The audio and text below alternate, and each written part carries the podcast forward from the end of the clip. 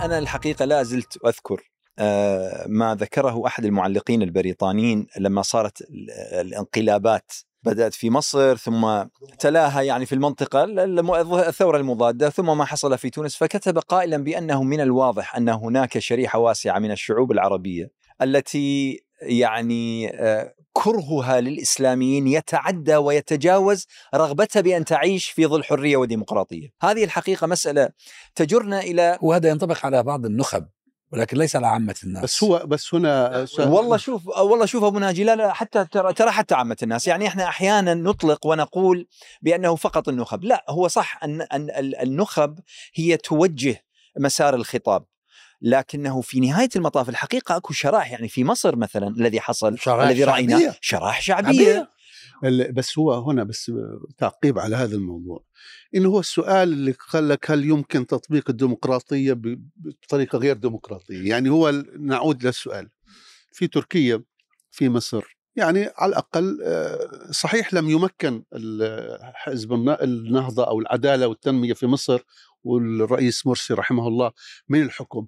لكن برضو في عندنا تساؤل يثار عند كثير من الناس إنه آه يعني أنت حكمت مثلا على الأقل كنت في السلطة في لسنة أو لسنوات في تونس لسنوات في مصر لسنة.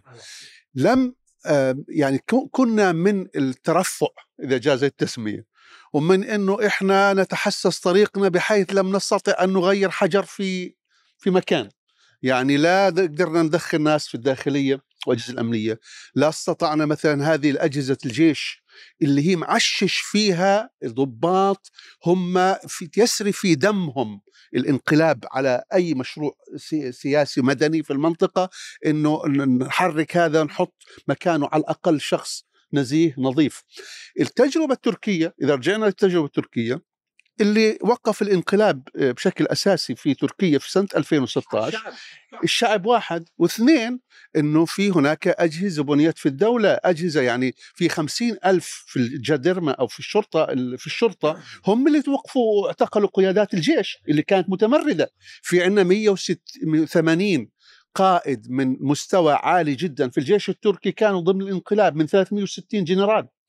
الذي حاصر هذه القواعد واعتقلهم خمسين ألف مسلح عملهم حزب العدالة والتنمية أيوة بس هذا الشرطة. هذا أبو أنس هذا إنجاز استغرق 40 سنة 50 سنة مش سنة واحدة. يعني 15 يعني إذا سنة لا لا لا لا, لا, لا, لا إذا أردنا أن نقارن بين مصر وتركيا فالمقارنة تكون بين وضع مرسي ووضع مندريس. وليس نعم. وضع أردوغان. أردوغان الذي في هو هذا هو. أيوه. مندريس كان يحاول أن يفعل ما حاوله مرسي فعلقوه على حبل المشنقة بعدين أجت أجيال أخرى. استمر النضال الناس تدخل السجون تدخل المعتقلات تعذب تسام العذاب بكل أنواعه إلى أن حصلت متغيرات داخلية وخارجية. مهدت الطريق للذي نراه الآن. هو في جانب أيضا لازم شوية تنسيب حتى في التجربة التونسية بحكم أنه ربما معيش أكثر من غيرها. يعني ما لازمش ننظر نظرة عدمية كأن شيء لم يكن. صحيح لم نتمكن من إحداث تغييرات عميقة وفي الحقيقة رأي كل المناهج جربت. منهج التغيير العميق مثلا هذا إقصاء المنظومة القديمة مثلا حاولوا ينتهجوا في ليبيا عملوا قانون العزل السياسي. كل من اشتغل مع القذافي من سنة 69 يتم عزله من سفراء ووزراء ومسؤولين. لكن بعدين ارتدت عليهم يعني بعدين صارت حرب أهلية. تتعمق الصراعات الداخليه، إحنا حاولنا نترفق نسبيا بالتجربة، يعني هذا ما وقعش تغييرات، وقعت تغييرات في أشياء كثيرة. لكن قوة القوة المضادة كانت أقوى من من اتجاه الدفع. لكن خلينا نقول إحنا عندنا مشكلة أخرى في تونس استكمال لما قاله الأستاذ إمام التركيبه الجينية للدولة في تونس بنيت على معاداة الإسلاميين. والشيخ راشد في الحقيقة هذه من النقاط اللي كان واعي بها مشروعه الأساسي ممكن تلخيصه في المصالحة بين الدولة والإسلاميين أن الدولة ما تصيرش تنظر الإسلاميين كجسم مناوى وجسم غريب. يعني بذلنا جهود كبيرة ولكن في الأخير إرادة الارتداد كانت أقوى. لأن هذوما حتى القوى المناوئة للديمقراطية وكذا كان لا تستطيع أن تفعل شيء. لو لم يجد ذلك هواء داخل مؤسسات وأجهزة الدولة. شكون أجهزة الدولة؟ الأجهزة الصلبة والقوى الخفية والدولة العميقة والقوى المضادة اللي توفر لها أيضا مناخ إقليمي يعني مساعد. أنت تتحدث على معطيات تقاطعت مع بعضها البعض. في المعطى الداخلي بصراعاته الداخلية. وبعدين قيس سعيد مثل ما ذكرت اشتغل على تفجير كل معناها مناطق التناقض الداخلي. استغل الأزمة الصحية يعني كان يخزن في الأدوية اللي تأتي لرئاسة الحكومة ويخزنها عنده في كرتاج باش يستعملها بعد الانقلاب حتى يقول هذه الحكومة فاشلة وقتلت التونسيين وأنا المنقذ. كان يعمق في الصراع إلى الحد الأقصى مع الحكومة. امتنع ان يوقع على تشكيل المحكمة الدستورية؟ كان يمكن تكون المحكمه الدستورية أداة أساسية للحماية من الانقلاب. يعني في نهاية المطاف في قوة تج... يعني تحرس هذا الدستور. امتنع عن ذلك؟ يعني البرلمان يصوت على قانون المحكمة الدستورية ويجيه يرجع البرلمان يقول كأنه لا شيء لا, لا حدث. فالرجل اشتغل طبعا على الاستفادة من كل التناقضات الداخلية ثم يضاف إلى ذلك وضع تركيا مريح أكثر. بالإضافة للكلام اللي ذكره الدكتور عزام وهو مهم أن في تراكم للتجربة تقريبا من الستينات وتركيا واجهت تقريبا ثلاث انقلابات عسكرية حتى تترسخ فيها الديمقراطية تركيا كان فيها كلها إما أنصاف ديمقراطية أو رباع ديمقراطية، نصف ديمقراطية أو ربع ديمقراطية، إلى أن نضجت. في بلادنا انتقلنا من وضع استبدادي كامل إلى محاولة يعني شق الطريق باتجاه تجربة ديمقراطية. على كل حال أنا تقديري التجربة تفعل فعلها في الأنفس وفي الواقع، الحد الآن اللي يحمي تونس نسبيا اللي خلى عملية الارتداد رغم أن قيس سعيد رجل مغامر ويفعل كل شيء يعني. الوضع يعني اتجاهاته أو توجهات قيس سعيد لا تختلف كثيرا عن توجهات السيسي. لكن فما قدر من الحصانة والمناعة الداخلية فما فما قوه قاعدة تقاوم. هذا بسبب المخزون الذي ركز في الناس خلال العشر سنوات و 12 سنة الأخيرة. يعني القضاة يقاومون القوى السياسية والمدنية تقاوم. عامة الشعب أيضا الناس في المقاهي وفي الساحات العامة ما فيش خوف من الدولة. الناس تتحدث وتنتقد قيس سعيد خاصة مع وجود وسائل التواصل الاجتماعي السوشيال ميديا. ففما جرء من من الناس جرأة عامة على الدولة وعلى الاستبداد. هذا ربما رصيد يبنى عليه مستقبل. وأنا أقول ربما من حسن حظ التونسيين أن جاء هذا الانقلاب بهذا الشكل الأرعن. حتى يقيسوا يقارنوا التوانسة لأنه أجهزة الإعلام اشتغلت عليهم كثيرا. وبشعت الثورة وكانوا يتصوروا التوانسة أن أوضاعهم وصلت إلى القاع إلى الحضيض. ما فيش مأسوم من هيك لكن جاء الانقلاب ذكرهم اللي راهو قيس سعيد حول الأزمات إلى كوارث. لأول مرة في يعني تاريخ إحنا تونس. إحنا الحقيقة الخشية وهذا قلناها مثلا في حالة مصر على سبيل المثال وفي الخشية بأنه الذي حصل عام 2011 حقيقة كان بالمعايير القائمة كان بمنزلة الكرامة. قضية أنه شعب يخرج مسالما يعني حتى ما بيده حديدة ويخرج ويقاوم ويغير جيوش أنظمة لها سنين. عميقة صار لها عقود ويناض.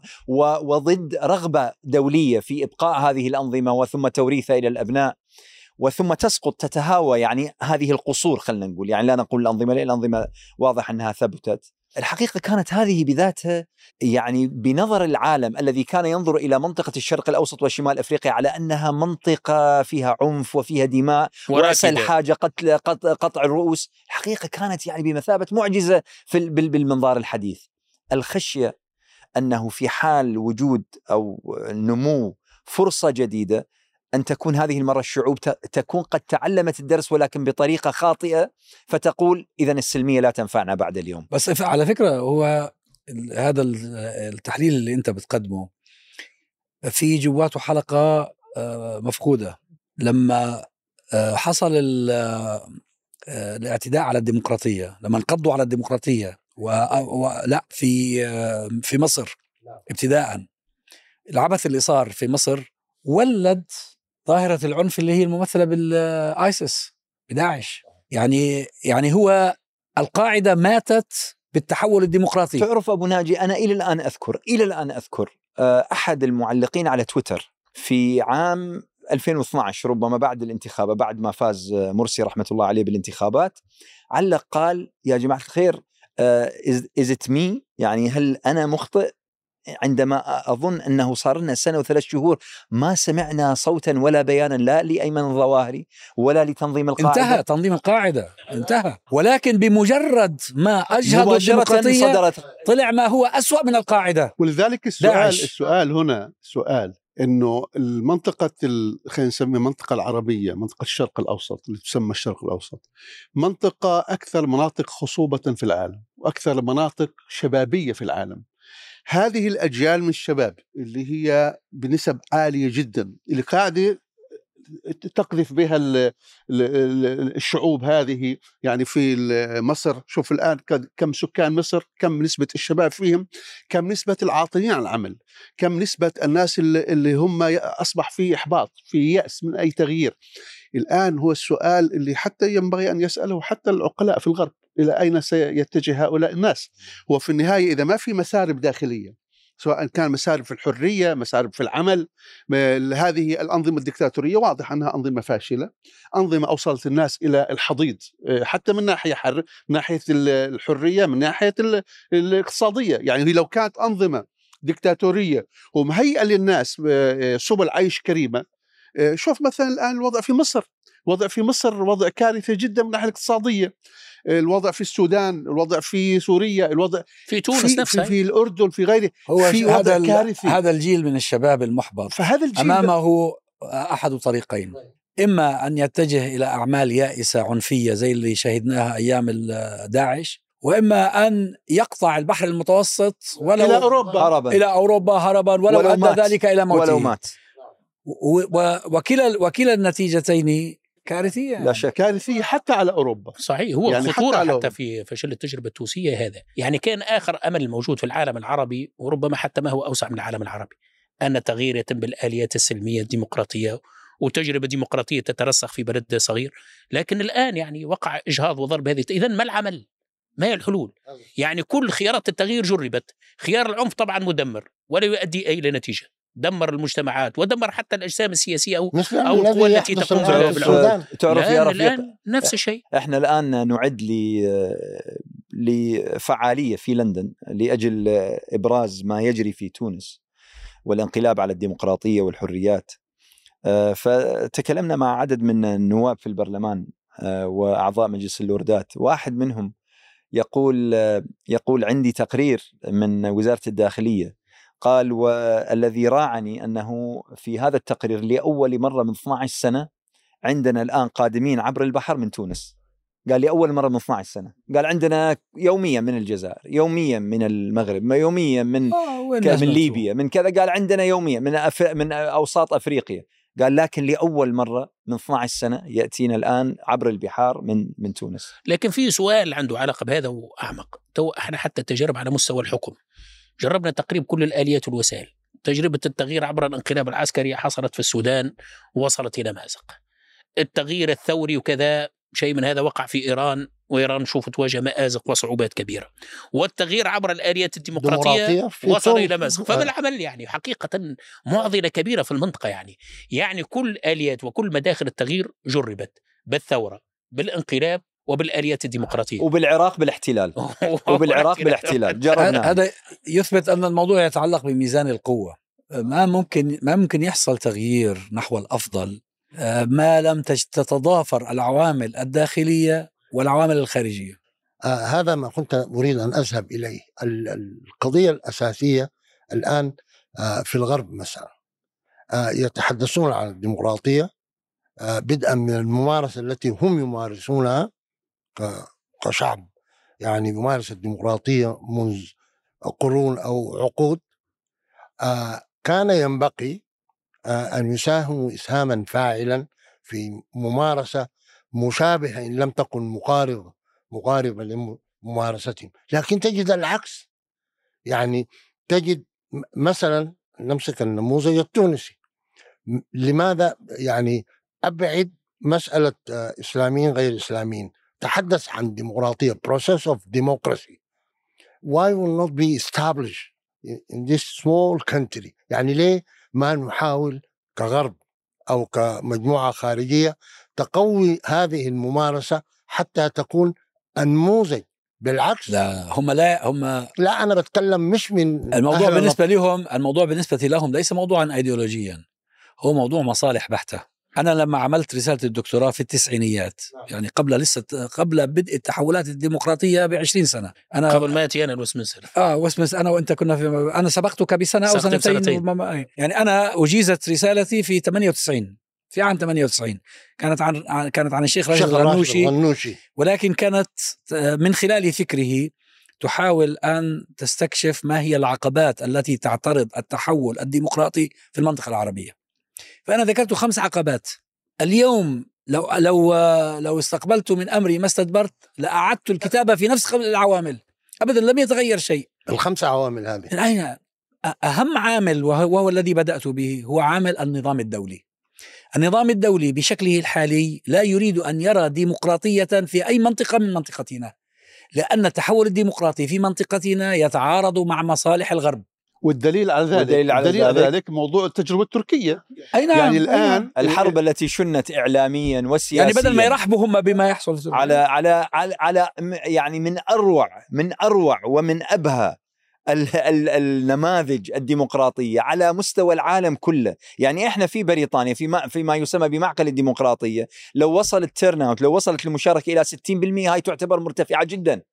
أن تصل في جولتين إلى خ- فوق ال 85 87% هذا الحقيقة مشهد بس بس غير بصراحة مسبوق بصراحة إنه هذا ال- الغرب آه الذي يدعي انه هو هو أصلا خلينا نسميه الإله تاعه موضوع الديمقراطية وحقوق الإنسان اللي هي خضع فيها آه عدد كبير جدا من أبناء جلدتنا في الأساس. والله بيني وبينك خدعني حتى أنا. أنا خدعك أنا أنت؟ والله خدعني مع. حق والله خدعني. الله ف- فهو الآن في داخل هذه المنظومة. من من جمعية علماء أيوة. الاجتماعيين ال- ال- الداخل هذه المنظومة اللي هو بيسموها المالقراطيه اللي هي الرأسمالية الديمقراطية في داخل المنظومة هذه الآن واضح أن التجربة التركية فضحت هذه المنظومة فضيحة على الشهود كما يقال. يعني أنا بفهم انه السياسيين يعادوا التجربة التركية لأنه التجربة التركية وضعت تركيا راس لراس وند لهم ولما صارت الأزمة الاوكراني الاوكرانيه الأوكرانية الروسية والانحياز الغرب إنه كيف إنها تركيا أخذت موقف آه، فيه آه، آه، يعني عدم انحياز ومش بس هكذا أصبحت وكأنها بيضة القبان بين الشرق والغرب. صارت تشترط مين يدخل في نيتو وما ما ما هي قصة يدخل. النيتو الآن أنا أفهم إنه يعادي هذا الأمر آه، السياسيين لأن هذا ضد مصالح السياسيين أو الأنظمة السياسية. لكن أن تدخل ال- الإعلام وبطريقة منسقة ومنظمة في صحف يفترض أنها رزينة مثل الجارديان مثل البي بي سي دير شبيجل دير كذا. أيوه بس هذا. أبو أبو انس كل المفروض ما هذا نستغرب. يدل على هؤلاء حقيقة المفروض ما نستغرب لا يمكن أن يكون هناك علاقة بالديمقراطيه في تركيا مرشحان. مرشح يعتبره الغرب آه، ابن آه، آه، ابن ثقافته يعتبره ابنه ومرشح يعتبره خصم. أردوغان ما ما نضحك على بعض أردوغان في الغرب يعتبرونه خصما. وربما هذا سبب حب معظم المسلمين لأردوغان سبب أساسي. إنه أنت شوف مين خصمه تجد أنه خصمه الإسرائيليين والغرب ومن يدعمهم في الغرب. فإذا هو يصبح مقربا من من المسلمين. ولذلك الانتخابات الأخيرة هاي حملة الانتخابية الأخيرة ما كانت حملة انتخابية تركية. هذه كانت حملة تركية حملة انتخابية عالمية. عالمية صحيح. وهذا على كل حال ينبهنا الجانب هذا. أن الغرب يدير السياسة مش بالع- يديرها بجيوبوليتكس فما لما يضع جي صانع القرار السياسي سواء كانوا رجال الأجهزة أو مراكز الدراسات أو رجال السياسة ال policy makers لما يجلسوا على الطاولة. كيف ينظروا؟ ما ينظروا المسألة هذه بالاعتبارات الحقوقية والإنسانية والديمقراطية؟ هذا يستخدم في الخطاب السياسي. هذا مش charities هذا مش منظمات اغاثيه لما يضع تركيا على الخارطة يقول شنو هي مصالحي الاستراتيجية في هذا البلد؟ يشوفوا الاتجاه اللي ماشي فيه أردوغان لا يناسبهم. أردوغان عنده طموحات أن تتحول تركيا إلى قوة إقليمية فاعلة وربما ما هو أوسع من ذلك تبني نهضتها الاقتصادية تبني صناعاتها العسكرية تجدد تحالفاتها أيضا. ذلك تركيا كانت تسمى؟ ينظر إلى تركيا قبل يسموها بافر زون يعني دولة تمثل تمثل خط يعني عازل حدودية نعم. بالامتداد. وكتب التاريخ إيه، رجل ل- أوروبا المريض. صحيح كانت ينظروا لها بافر زون يعني منطقة عازلة على الامتداد الشيوعي في الشرق الأوسط. فأنها تصير هي قطب محرك في المعادلات الإقليمية والدولية خاصة في ظل المتغيرات الدولية لأن ما ننساوش في وضع دولي يمر بمرحلة انتقال. يعني ما عادش فقط آه، تصور أن الاستقطاب بين المعسكر الشرقي والغربي في تعددية في القطبية تتيح لتركيا هامش واسع من الحركة لكن الأسئلة اللي طرحها الدكتور عزام مهمة أنا شخصيا ما كنتش منتبه لمعطى آخر ربما أنت ما نعرفش تحدثت عليه ولا لا. في الخمسة اللي هو المعطى الإقليمي صار مؤثر في بعض الأحيان أكثر حتى من المعطى الدولي آه طبعا اللي حصل في مصر وهذا ينبهنا إلى ما يمكن تسميته بسلطة النفط أو قوة النفط. النفط صار فاعل ومؤثر في التوازنات الاقليميه وليصنع في الانقلابات. انقلاب مصر صنعته القوى الإقليمية، صنعته السعو- السعودية والإمارات ثم دخلت إذا بتذكر رفيق إذا بتذكر الدولية. إذا إذا بتذكر كان الوفود السعودية والإماراتية لا تتوقف عن السفر إلى العواصم الغربية تحرض على الحركات الإسلامية تحرض على المطالبين بالديمقراطية تحرض على المدافعين على حقوق الإنسان والحقيقة الذي ثبت لي أنا بعد انتخاب رئيس مرسي رحمة الله عليه في مصر أن الولايات المتحدة الأمريكية ودول أوروبا الغربية كانت على استعداد للتعايش مع الوضع الجديد في مصر ولكن الكيان الصهيوني والحكومة السعودية والحكومة الإماراتية أبت أن تتقبل أي تغير وهي التي أنا عشت أنا عشت التجربة هذه من موقع يعني ملامسة مباشرة لما كنت وزير خارجية.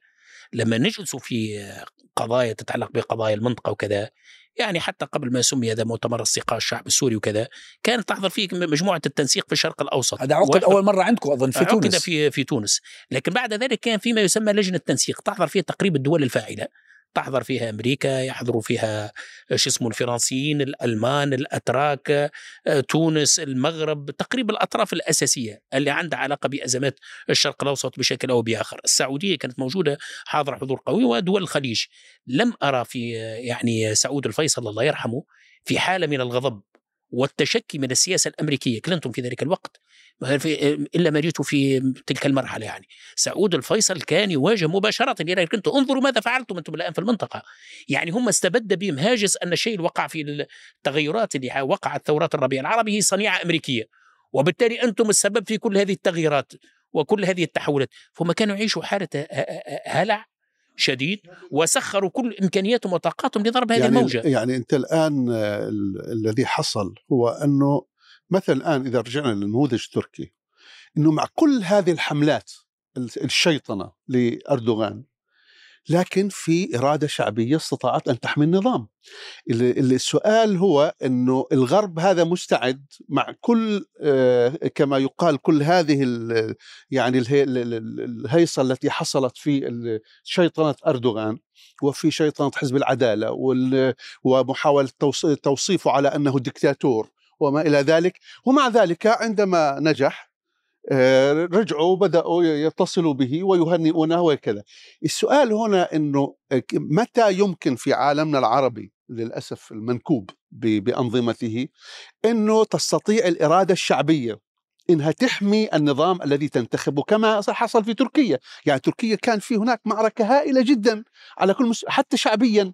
ولكن لما حصل واعترف كل ال... كل الأحزاب اعترفت بالنتيجة، حتى المخالف حتى الذي كره اعترف بالنتيجة، إرادة شعبية تفرض نفسها في أيوة، الدولة هذا الأمر وتفرض نفسها على العالم، هو عندنا متى يمكن إنه الإرادة بس هذه الشعبية؟ شوف الأستاذ إمام ذكر قبل شوي ذكر قضية الثقافة الديمقراطية.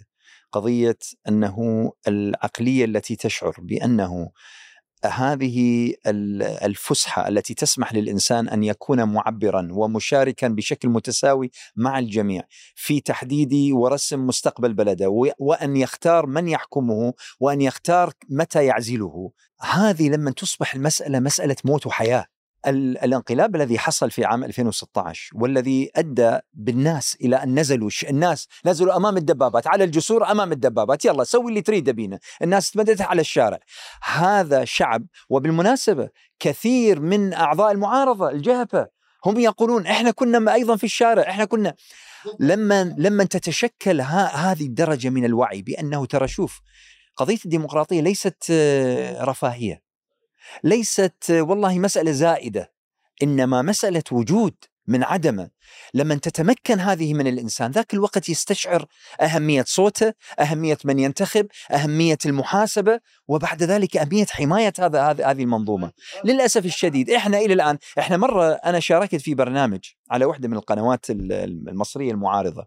قبل كم سنة كان في برنامج يأتون بجمهور آه، مشكل من أكثرهم من الشباب. ويأتون باثنين مع فكرة معينة واثنين ضد فكرة معينة على غرار ال Oxford debates وهالمسائل هذه. فكانت دعوني لبرنامج وكان العنوان أنه هل تستحق الشعوب العربية الديمقراطية؟ أنا قلت والله هذا أمر سهل وأكيد يعني إحنا سنغلب يعني بالتأكيد من الذي أنا سيقول ناسي إنه الب- البرنامج للحوار. والله؟ كلام كبير. كلام كبير الحوار شوف تخيل. أنا ما ردت أذكر معنا منصة أخرى. المهم تخيلوا يا جماعة الخير بأننا سحقنا سحقا في ذلك البرنامج وأكثر من 70 أو 75% من الشباب الحاضر قالوا ما نريد ديمقراطية، ليش؟ لما سألت لما طلعت النتيجة وسألت بعض الشباب منهم عراقيين منهم سوريين منهم أردنيين منهم لما سألتهم فقالوا انظر إلى العراق هاي الديمقراطية. تفضل هذه الديمقراطية نريدها فقلت له يا أخي هذه ليست ديمقراطية. قال هذا قلت قالوا لنا هذه هي الديمقراطية. أو أنه هذه الديمقراطية التي جاءت بعد ذلك بالويلات في مصر وغيرها وغيرها. القصد اولا الوعي بالديمقراطية ثم تلبس ثقافة الديمقراطية. الحقيقة أمر أنا باعتقادي هي المشكلة دكتور انس القضية ربما هذا خلينا إحنا نراجعه. يعني فعلا تجربة بينت أن شعوبنا القضية الديمقراطية مش قضية حياة أو موت. هل يمكن أن نلوم النخبة أن نلوم الشعب؟ بلك إحنا كإسلاميين يعني تأثرنا كثيرا بالسردية الديمقراطية وصارت كأنها عقيدة سياسية. أنا ما أقول نتخلوا عن الديمقراطية ولكن ربما نحتاج إلى تغيير العناوين. موضوع الأساسي اللي تحتاجه مجتمعاتنا هو الإصلاح الشامل. الناس قضية الديمقراطيه ما في ذلك في تونس؟ يقول لك طيب الديمقراطية ما توكل الخبز في نهاية المطاف هكا عملت لي دستور وعملت لي برلمان ماذا فعلت في نهاية المطاف؟ بمعنى أن شعوبنا عندها أولويات. أولويات المعيشية أولويات الاقتصادية. ثم جانب هذه السردية الديمقراطية أنها تبني منظومة ديمقراطية بالمنظار الليبرالي. يعني ربما مجتمعاتنا ما أقول أنا باش نراجعوا الديمقراطية أو نعيد اكتشاف العجلة ولكن ربما العناوين السياسية تحتاج إلى شيء من التعديل والتغيير لا لا هو شوف يعني أنا بدي أختلف معكم هنا شوية. أبو أبو ناجي مع الديمقراطية قلبا وقالبا. لا مش مش هيك. هي القضية قضية الوعي الديمقراطي مهمة ولكن وحدها لا تكفي. شوف ودائما الناس بيطلعوا على التجربة التركية وبيحاولوا يقارنوا أنت لابد أن نتذكر أن الذي حدث في تركيا أن الأتراك كانوا حريصين على الانضمام إلى الاتحاد الأوروبي. الاتحاد الأوروبي وضع لهم شروطا تعجيزية كانت لصالح التحول الديمقراطي، ليش؟ لأنه ليش الديمقراطية بتفشل في بلداننا أو أفشلت في بلداننا؟ ليس لأن منسوب الوعي عند الناس قليل وربما يكون هذا صحيح. ولكن لأن المؤسسات التي تملك مخالب وتملك أنياب وتنهش الكيانات الديمقراطية ما زالت موجودة ومتغولة هذه في تركيا بالتمهيد قضي عليها بإرادة مدنية شعبية حتى يتمكنوا من الانضمام إلى الاتحاد الأوروبي. هذا الذي حصل.